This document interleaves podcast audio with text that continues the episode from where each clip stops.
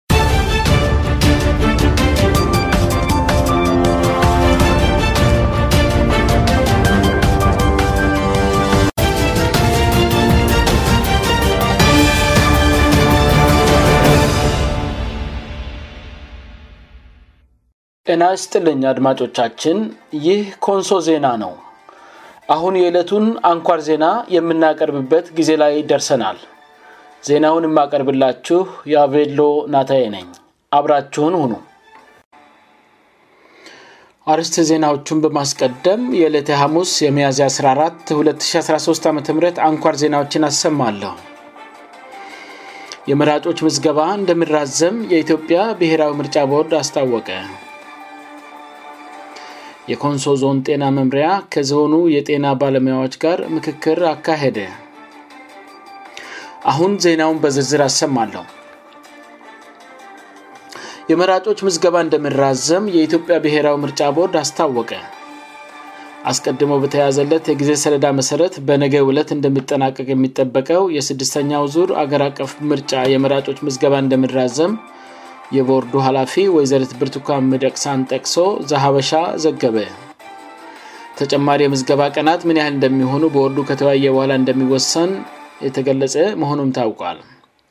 ይህ የቦርዱ ውሳኔ የተገለጸው ጠቅላይ ሚኒስትሩ ከክልል አመራሮች ጋር በምርጫ ዙሪያ በተወያዩበት ስብሰባ ላይ መሆኑም ተገልጿል እስካሁን ባለው የምርጫ ሂደት ዙሪያ ጠቅላይ ሚኒስትር አብይ አህመድ በዛሬ ሁለት ከክልል ርሳነ መሰዳድሮች ጋር ውይይት አድርገዋል በውይይቱም ወቅት ጠቅላይ ሚኒስትሩ በውይይቱ ላይ የኢትዮጵያ ጠላቶች የንምርጫውን ለማስተቋጎል ድካማና የሚያዙት መንግስት ለመፍጠር ለተቀን እየሰሩ መሆኑን ልንገነዘብ ይገባል ብለዋል የዘንድሮ ስድስተኛው ብሔራዊ ምርጫ ፍትሐዊ ዲሞክራሲያዊ ና ሰላማዊ እንደሚሆን በቁርጠኝነት እየሰራ ነው ስሎ ተናግረዋል በውይይቱ ላይ የክልል እሳነ መስተዳድሮችን በምርጫው ሂደት የእስካሁን የክንውድ ሪፖርቶችን አቅርበዋል በእስካሁኑ የመራጮች መዝገባ ተሳትፎ በጥሩ ሁኔታ የተከናወነባቸው ክልሎችም መኖራቸው ተመልክተዋል በስዳማ ና በኦሮሚያ ክልሎች እንዲሁም በድረዳዋ ና አዲስ አበባ ከተማ አስተዳደሮች የመራጮች መዝገባ ከ8መ0 በላይ መፈጸሙን አብራርተዋል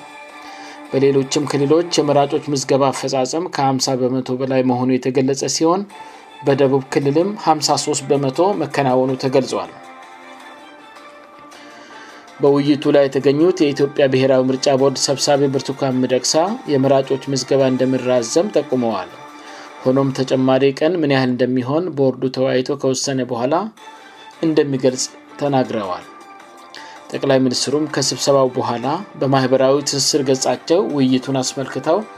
አጭር መግለጫ ማውጣታቸው ታውቋል ይህ ኮንሶ ዜና ነው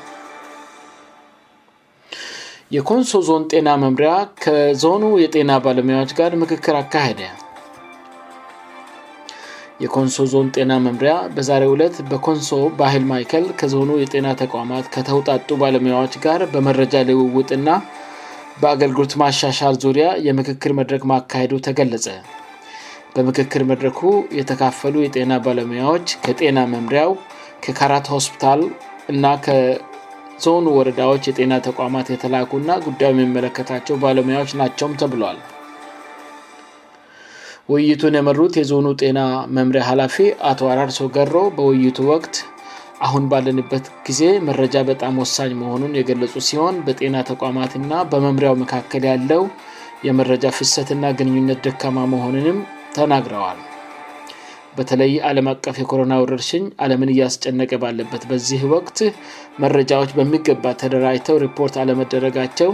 አሳሳቢ በመሆኑ ችግሩ የሚቀረፍበት ሁኔታ ላይ መምከሩ አስፈላጊ የሆኑ መገኘቱ ተገልጿዋል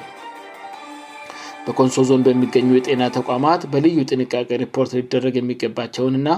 ከኮሮና በሽታ ስርጭት ጋር የተያያዙ መረጃዎችን በአግባቡ አደራጅተው ለዞኑ ጤና መምሪያ የማቅረብ ክፍተት እንዳለባቸው ታውቋል በመምሪያ ው ስር በሚተዳደሩ የጤና ተቋማት አገልግሎት አሰጣት ዙሪያም ያሉ ችግሮች በውይቱ መዳሰሳቸው ታውቋል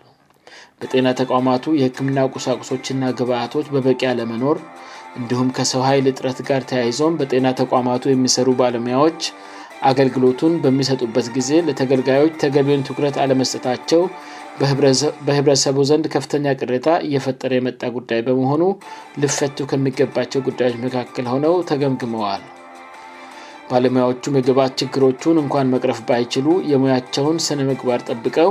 ያለባቸውን የአመለካከትና የክሎት ክፍተቶችን ሊያስተካክሉና ገልጋዮችን እንደሚገባ ማገልገል እንደሚጠበቅባቸው በውይይቱ መነሳቱ ታውቋል ችግሮችን በጋራ በመፍታት ህብረተሰቡን በመሰጠት ማገልገል እንደሚገባም ተገልጸዋል በተለይ በህብረተሰቡ ዘንድ የአገልግሎት አሰጣጡ በጣም ደካማ እንደሆነ የሚገለጸው የካራት ሆስፒታል የአገልግሎት አሰጣጡ በተወሰነ መልኩ መሻሻል እየታየበት ነው ይባለም በህብረተሰቡ ዘንድ ከፍተኛ ቅሬታ ይቀርብበታል የበስተኞች መኝታ ሳይቀሩ አገልግሎት የመስጠት አቅሙ በጣም ውስንነት እንዳለበትና ሁሉምናቸው ባይባልም ባለሙያዎቹም ታማሚዎችን በአግባቡ እንደማያስተናግዱ ከህብረሰቡ በኩል በአገልግሎቱ ያለመርካትና ቅሬታዎች በየጊዜው ይደመጣሉ ባልደራችን ባገኘው መረጃ መሰረት ምናልባትም ከምክክሩ መድረኩ በኋላ አንዳንድ ለውጦች ይጠበቃሉ ተብሏል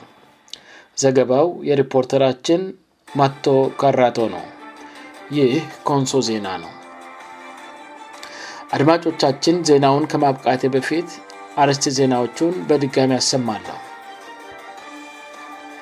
የመራጮች መዝገባ እንደሚራዘም የኢትዮጵያ ብሔራዊ ምርጫ ቦርድ አስታወቀ የኮንሶ ዞን ጤና መምሪያ ከዞኑ የጤና ባለሙያዎች ጋር ምክክር አካሄደ ዜናው በዚያ በቃ